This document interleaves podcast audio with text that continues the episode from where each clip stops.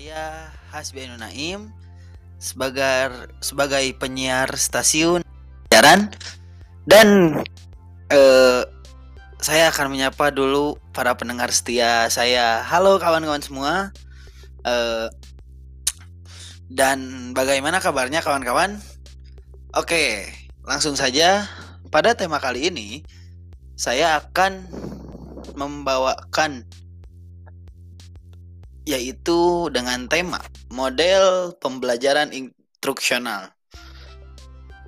Nah, oke okay, kawan-kawan, langsung saja ke pembahasan pertama yaitu ada beberapa saya akan membaca beberapa pertanyaan dan akan saya langsung jawab karena eh, di sini saya cuma akan memaparkan hasil diskusi saya dengan kawan-kawan saya. Oke.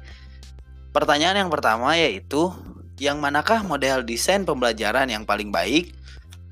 Dan jawabannya adalah uh, model yang paling baik menurut saya dan rekan-rekan saya yaitu model prosedural. Karena pembelajaran pembelajaran ini lebih kompleks jika dilihat dari definisinya karena di dalamnya menunjukkan langkah-langkah dalam melakukan suatu pekerjaan misalnya langkah-langkah desain instruksional, siklus penelitian, dan pengembangan sintak pembelajar, pembelajaran inkuri instruksional. Sintak pembelajaran berbasis masalah dan sintak pembelajaran berbasis konstruktivisme. Jadi setelah kita mempelajarkan itu semua, kita mampu membuat sebuah produk dalam pembelajaran. Tapi eh, dan yang saya dapat dari kawan-kawan saya yang memang mereka memiliki pendapat yang berbeda dan eh, itu eh, dan juga ada beberapa masukan yang memang dari dosen saya yaitu menurut dosen saya eh, dosen yang dosen pengampu dalam mata kuliah ini yaitu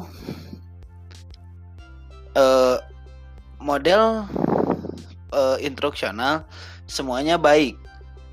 Itu tergantung dengan eh, cara pemakaiannya cara penerapannya saja yang berbeda Nah, terus yang kedua, tuliskan persamaan proses dari semua model tersebut. E, jawabannya yaitu semua model pada dasarnya meliputi tiga proses, yaitu proses desain, proses pengembangan, dan proses evaluasi formatif, sehingga dihasilkan sistem instruksional termasuk bahan instruksional yang sudah divalidasi dan prosedur penggunaan bahan tersebut oleh berbagai pihak terkait terutama peserta didik, pengajar, dan penyelenggara pendidikan. dan yang terakhir yaitu langkah-langkah atau prosedur desain pembelajaran yang Anda pandang sesuai untuk sistem pembelajaran masa depan.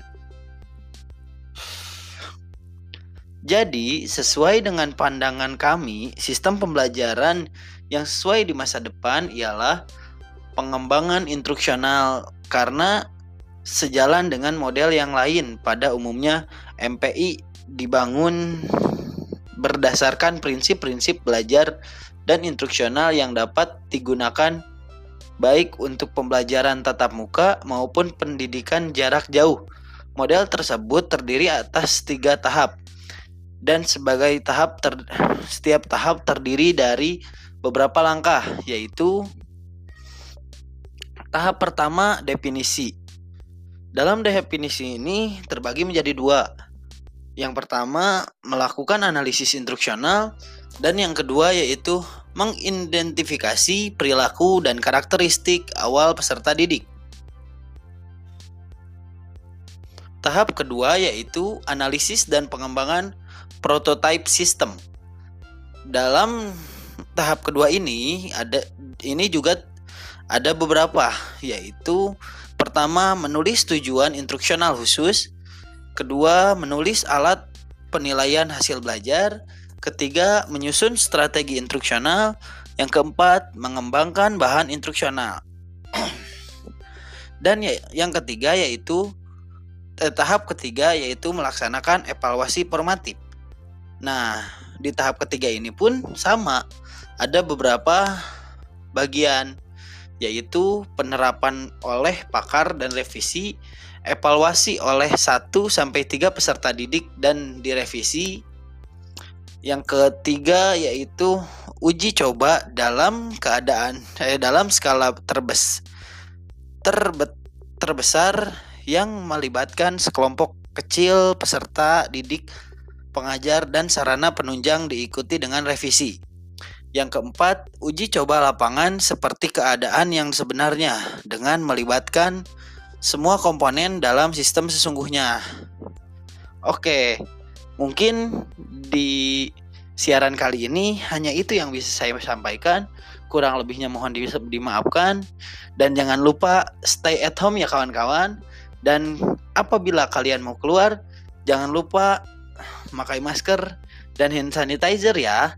Oke, baik sekian rekaman eh siaran kali ini. Kurang lebihnya mohon dimaafkan. Wabillahi taufiq walhidayah. Wassalamualaikum warahmatullahi